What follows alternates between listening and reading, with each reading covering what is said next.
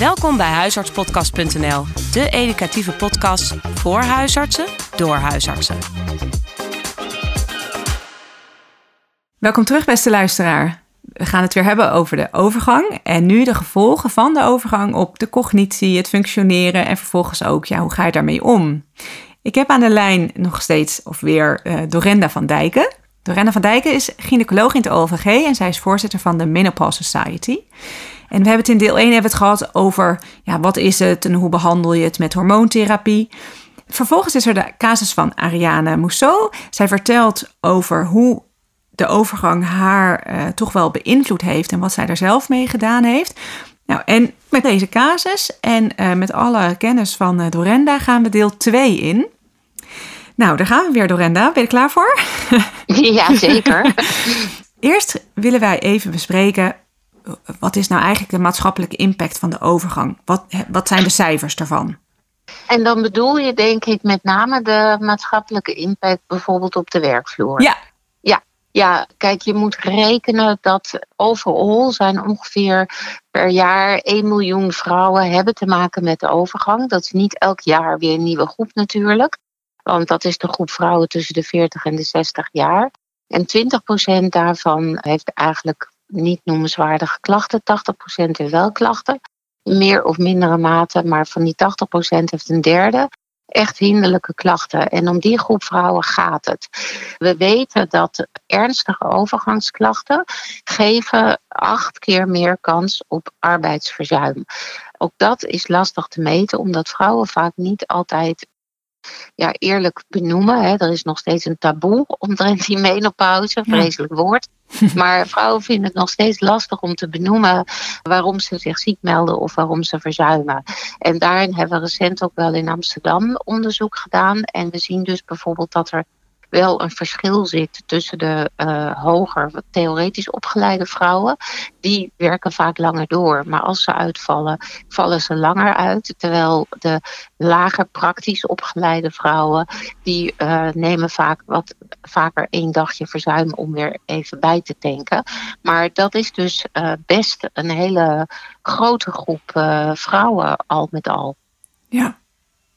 En als je kijkt naar, uh, want dat is ook ooit uitgerekend, naar, 1, naar uh, hoeveel arbeidsjaren uh, dat is. En dan kom je uit op eigenlijk ja, op ruim een miljoen arbeidsjaren. En dan hebben we het ook nog niet eens over, dat noemen we presenteïsme.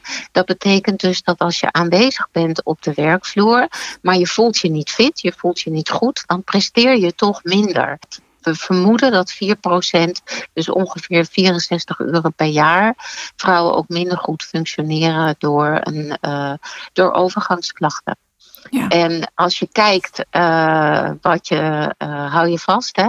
Als, als, wij, als die cijfers kloppen uh, en als je kijkt wat je zou kunnen verbeteren door vrouwen op de werkvloer goed te helpen met overgangsklachten, wat je daarin kan besparen aan kosten, kom je jaarlijks uit op 2 miljard euro. Want die kosten zitten en natuurlijk voor bedrijven, maar ook voor de vrouwen zelf. Hè, ziektekosten, ziekteverzuim, maar ook kosten in de gezondheidszorg. Dus dat is echt, uh, uh, daar is echt heel veel winst te behalen. Ja. Ja, we gaan straks over uh, benadering en behandeling bespreken. van hoe, hoe kan je er nou maatschappelijk ook voor zorgen dat die vrouwen nou ja, minder presenteïsme tonen? Ja, ja. Maar um, um, ja, we hebben het dus over ja, allerlei soorten klachten die de overgang met zich mee uh, kan brengen. En dan niet alleen de typische vasomotorische klachten, maar dus ook ja, dingen daaromheen qua uh, vermoeidheid en cognitieve problemen. Dorenda, kan je uitleggen hoe de overgang effect heeft op dat functioneren? Het is wel een beetje lastig, want het is soms moeilijk te onderzoeken. En uh, het is ook niet bij iedereen hetzelfde. En je kan het ook nooit helemaal loskoppelen van de levensfase waarin je zit. Uh, er gebeurt in deze levensfase natuurlijk vaak best wel veel. Uh, sowieso het ouder worden aan zich. vrouwen met kinderen die kunnen soms nog pubers hebben. Of juist kinderen die het huis uitgaan, zogenaamde leg-nest-syndroom.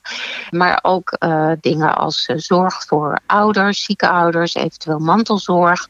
En gewoon dat je merkt dat je lijf verandert, dat je ouder wordt. Dat kan voor sommige vrouwen ook heel lastig en confronterend zijn. Dus, daar, dus behalve die overgang gebeurt er in die fase ook nog heel veel andere dingen. Wat we weten is dat oestrogeen wel het hormoon is wat uh, goed aanstuurt op uh, je cognitie met name en ook op je stemming.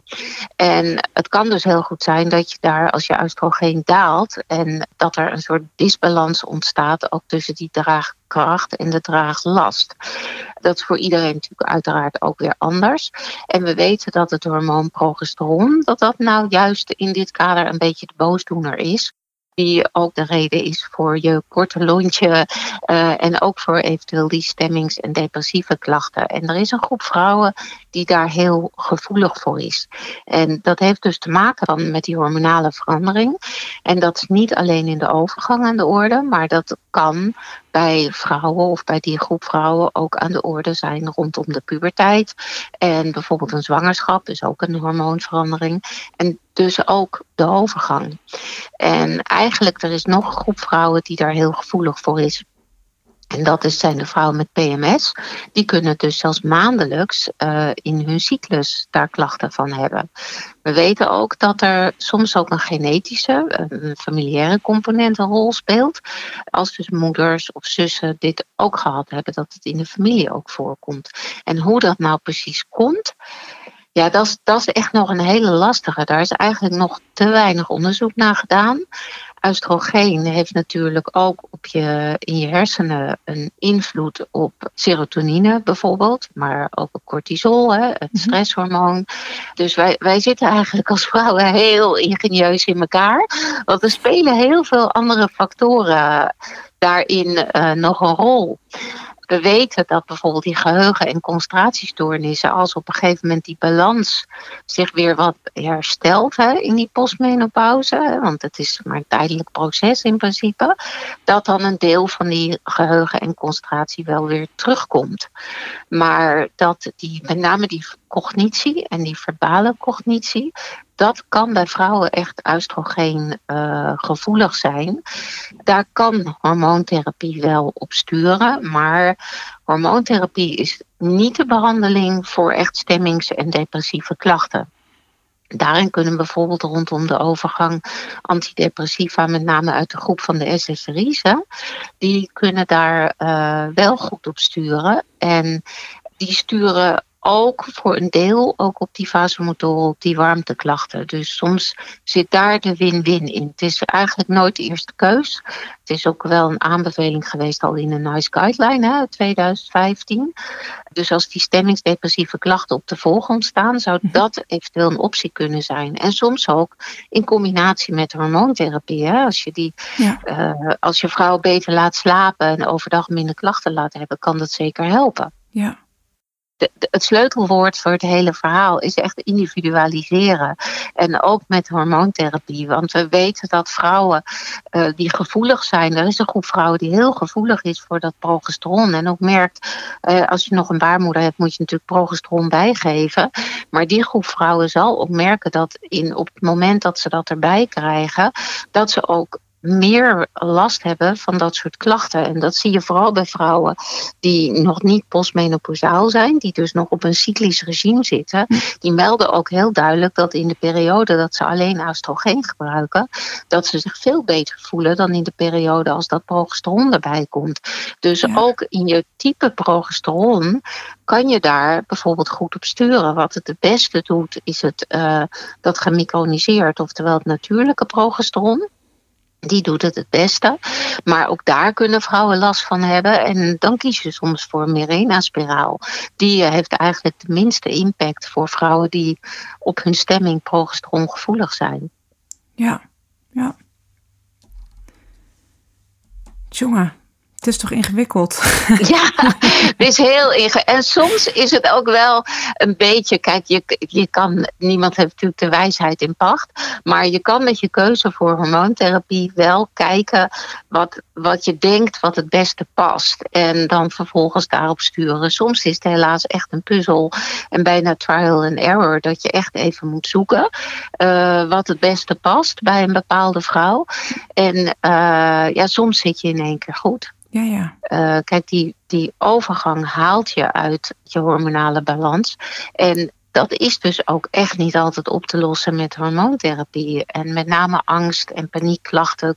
De overgang kan daar echt een trigger voor zijn. Hè. Soms lag dat altijd al een beetje op de loer, maar kwam het niet zo aan de oppervlakte en ineens komt het volop op je pad. En ja, dan moet je dus ook echt kijken naar andere behandelingen en andere professionals, zoals een psycholoog of een psychotherapeut of een psychiater, die daar goed uh, in kan sturen. En ja, de SSRI's net al even genoemd.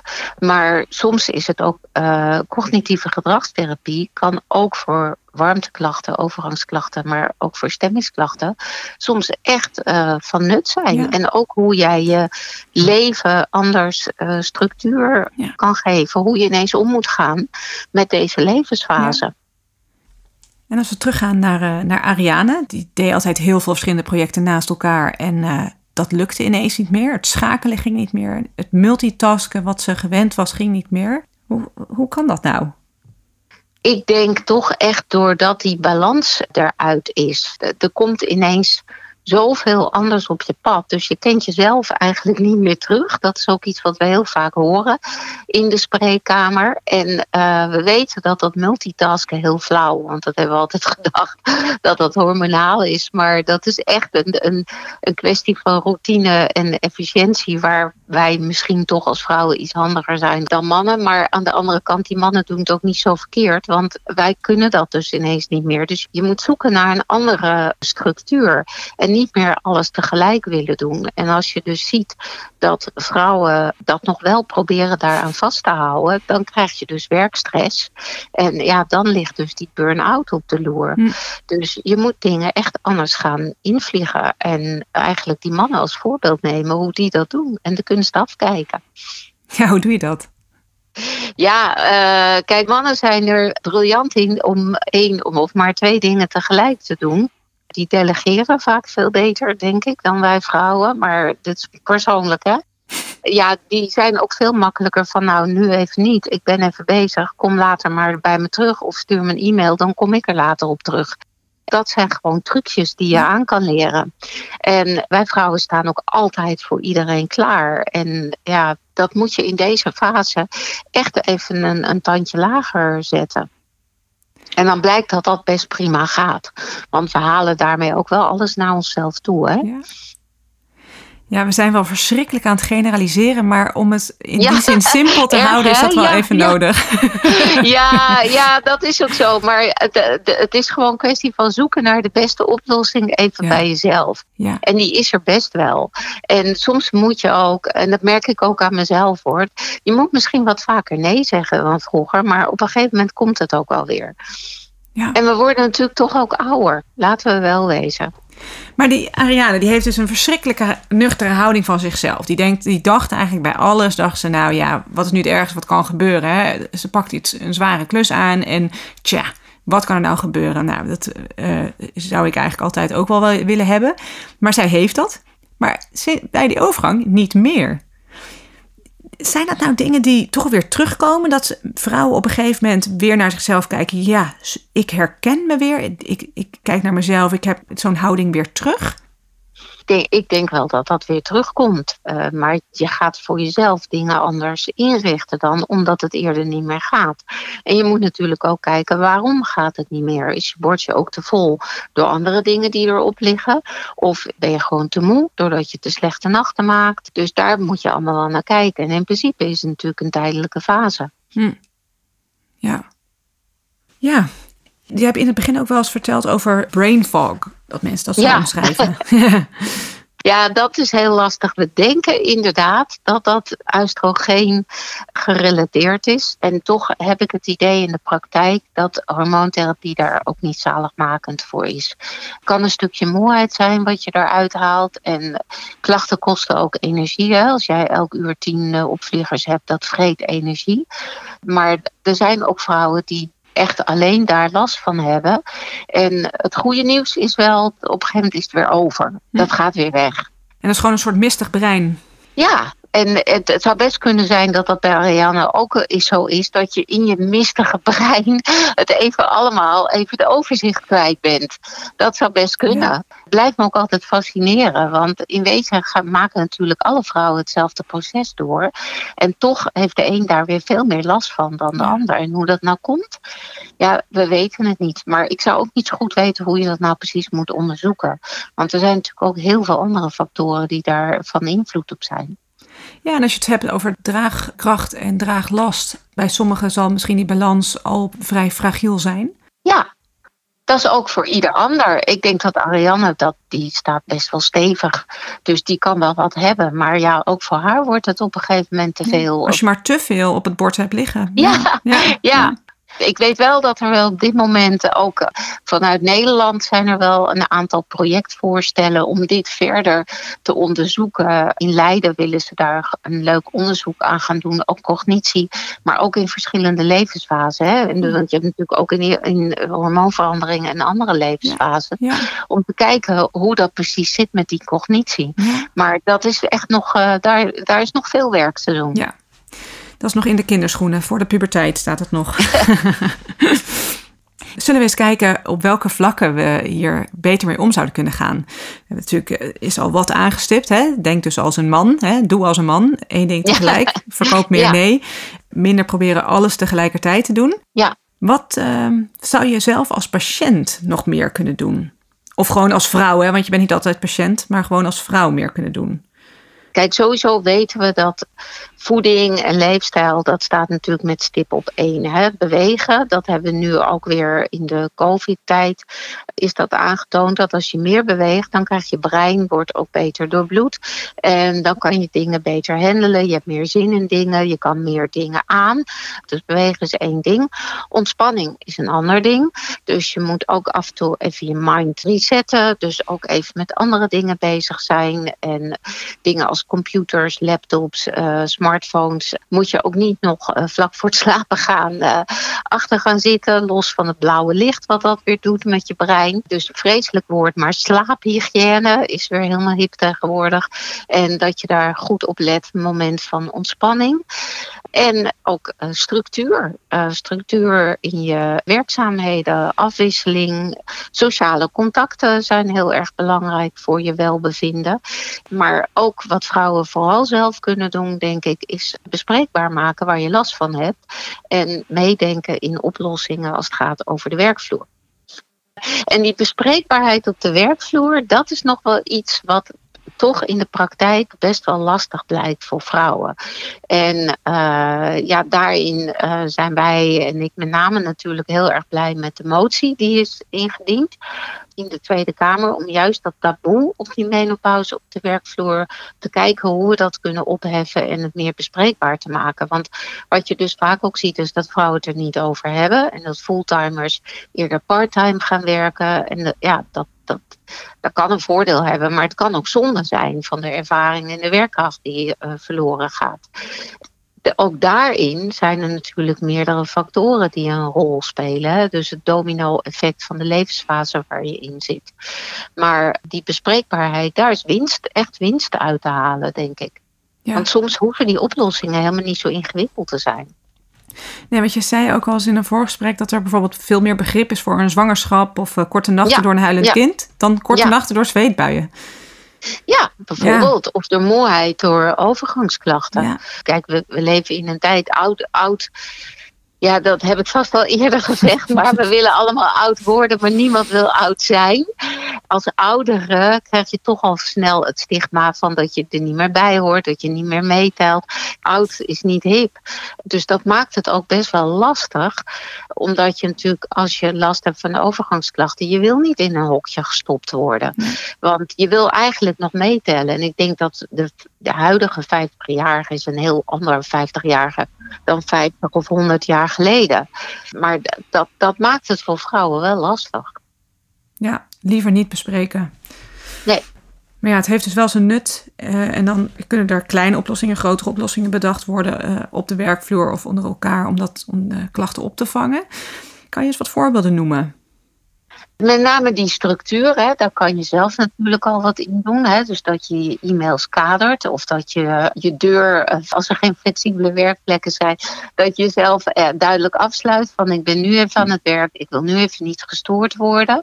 En dat je tegen mensen ook duidelijk zegt van nu even niet of kom er later op terug. Maar ook dat je voor jezelf je ontspanmomenten even inlast. Dus dat je bijvoorbeeld na een heftige of hele intensieve vergadering even een pauzetje neemt. Of even je mind reset met iets anders. Dit, zijn eigenlijk ook meer tips die ik van vrouwen zelf gehoord heb. Hoe zij zelf die oplossing uh, bedacht hebben. Of het aanpassen van je werktijden. Eventueel later beginnen en dan later naar huis. Uh, om maar wat te noemen. Dus daar, maar zoek naar wat voor jou de beste oplossing is, bij voorkeur in overleg met of je collega's of je leidinggevende, als dat aan de orde is. En kijk dan gewoon waar, waar je ruimte kan vinden om dat op te lossen. Ja. Er is veel meer mogelijk dan we denken. Ja, en, en ik denk ook wel, en eh, dat weet ik dan van mezelf, ik trek ook vaak heel snel dingen naar mezelf toe. Dus ik roep altijd: delegeren kan je leren. Je kan veel meer delegeren dan dat je denkt. Ja. Ja, soms red je dat alleen en soms heb je daar, moet iemand even met je meedenken of ja. meehelpen. En er zijn natuurlijk ook zat coaches hè, daarvoor. Ja. Dus dat is ook heel hip tegenwoordig om een coach te hebben. Nou, vaak zijn het ook wel een beetje open deuren hoor. Dus je kan het ook zelf wel bedenken. Bedenken en doen, hè? Dat het, uh, ja, precies. Nou, vooral dat doen. Maar je zal merken dat dat heel. Dat als je het één keer gaat doen, dat het echt makkelijker is dan dat je denkt. Ja. Nou, daarin gun ik wel iedereen een, ja, toch een beetje een houding zoals die Ariane heeft. In, ja, uh, zeker open erover zijn, het mag gezegd worden, dan, ja, dan, dan komt het een beetje uit de schaamtesfeer voor haar. Maar het, toch blijft het dan nog lang toch niet bespreekbaar. Mensen willen toch liever niet erover hebben in de omgeving. Terwijl ze er dan zelf al zo vrij, vrij in wordt.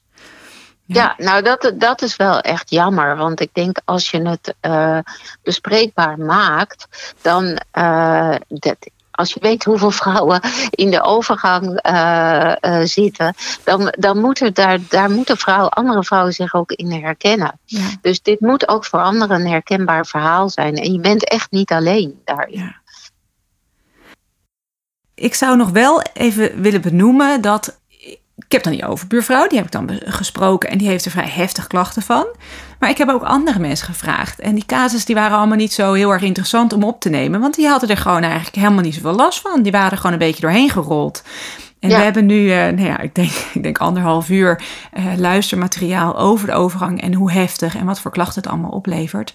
Maar uh, ik denk dat het goed is om te benoemen dat er gelukkig ook heel veel vrouwen zijn die er natuurlijk een beetje, ja, gewoon een beetje doorheen kabbelen en, en rollen. Ja. ja. Zeker. Ja, gelukkig. Ja, nee, absoluut. Dat heb ik op zich al eerder benoemd met dat 20% ja, zeker. Ja. tot geen last ja. heeft. Wat wel belangrijk is, denk ik, om te benoemen, is dat uh, voor elke vrouw de overgang weer anders is. En elke vrouw heeft weer haar eigen oplossingen of haar eigen klachten of haar eigen manier om daarmee om te gaan je moet het zeker ook niet groter maken dan het is. En je moet er ook niet een drama van maken dat het is. Want er zijn ook heel veel vrouwen die er prima mee om kunnen gaan. Ja. Maar dat is het zijn natuurlijk. En dat zijn de vrouwen die ik natuurlijk niet zie. Dus vandaar dat ik ook. Ik zie het topje van de ijsberg. Ja. Nou, ik nodig graag mensen uit die tips hebben voor andere vrouwen. Uh, en die tips die mag je uh, mailen naar ons of die mag je inspreken op onze WhatsApp-nummer. Dat kan je allemaal vinden op, de, op onze website www.huisartspodcast.nl. Ik ben heel benieuwd of er nog andere nieuwe tips uit volgen. Als het een lading is, dan zullen, dan zullen we dat als een aparte podcast aan elkaar uh, plakken. Ik ben heel benieuwd. Ja. Dat, ik hoor ze ook graag. Ik denk dat uh, ik daar ook weer heel veel vrouwen mee uh, misschien kan helpen. Ik laat je weten. Hey Dorinda, heb je nog een laatste, laatste bericht over deze podcast? Uh, ja, zeker. Ik denk, um, uh, boodschap voor vrouwen is: maak het bespreekbaar en ga naar je huisarts. En wat ik merk in de praktijk is dat steeds meer huisartsen hiervoor openstaan, je kennis over krijgen en zich actief voor dit onderwerpen en deze klachten ook echt inzetten. En we dienen natuurlijk ook allemaal hetzelfde doel. We willen die vrouwen helpen en het is ook hartstikke leuk om dat samen te doen. Dus uh, uh, als een huisarts toch uh, er nog iets over wil weten of graag wil dat iemand even meedenkt, kunnen we dat ook juist heel leuk samen doen, zonder dat die vrouwen verwezen moeten worden. En dat maakt het werk leuk en we leren van elkaar. Hey Dorenda, super bedankt voor deze mooie weergave van de klachten en wat we er ook mee kunnen. Ja, graag gedaan. Een oproep bij deze aan alle dames die ja, klachten hebben van de overgang en daar op een bepaalde manier mee om zijn gegaan of tips hebben voor andere vrouwen. Van, laat het weten. Ga naar huisartspodcast.nl en daar zie je een WhatsApp-nummer staan. Dat kan je naar ons toe appen. Je kan het naar ons toe mailen. Je kan ook een voicebericht insturen. Als er dan genoeg tips zijn, dan kunnen we als een laatste deel maken met alle tips van andere vrouwen. Zijn we benieuwd? Dit was het voor nu over de overgang. Ik ben Femke Veldman en tot de volgende keer. Doeg! Bedankt voor het luisteren. Bekijk ook onze website op huisartspodcast.nl. Voor vragen of suggesties kun je mailen naar huisartspodcast.gmail.com. Tot de volgende keer!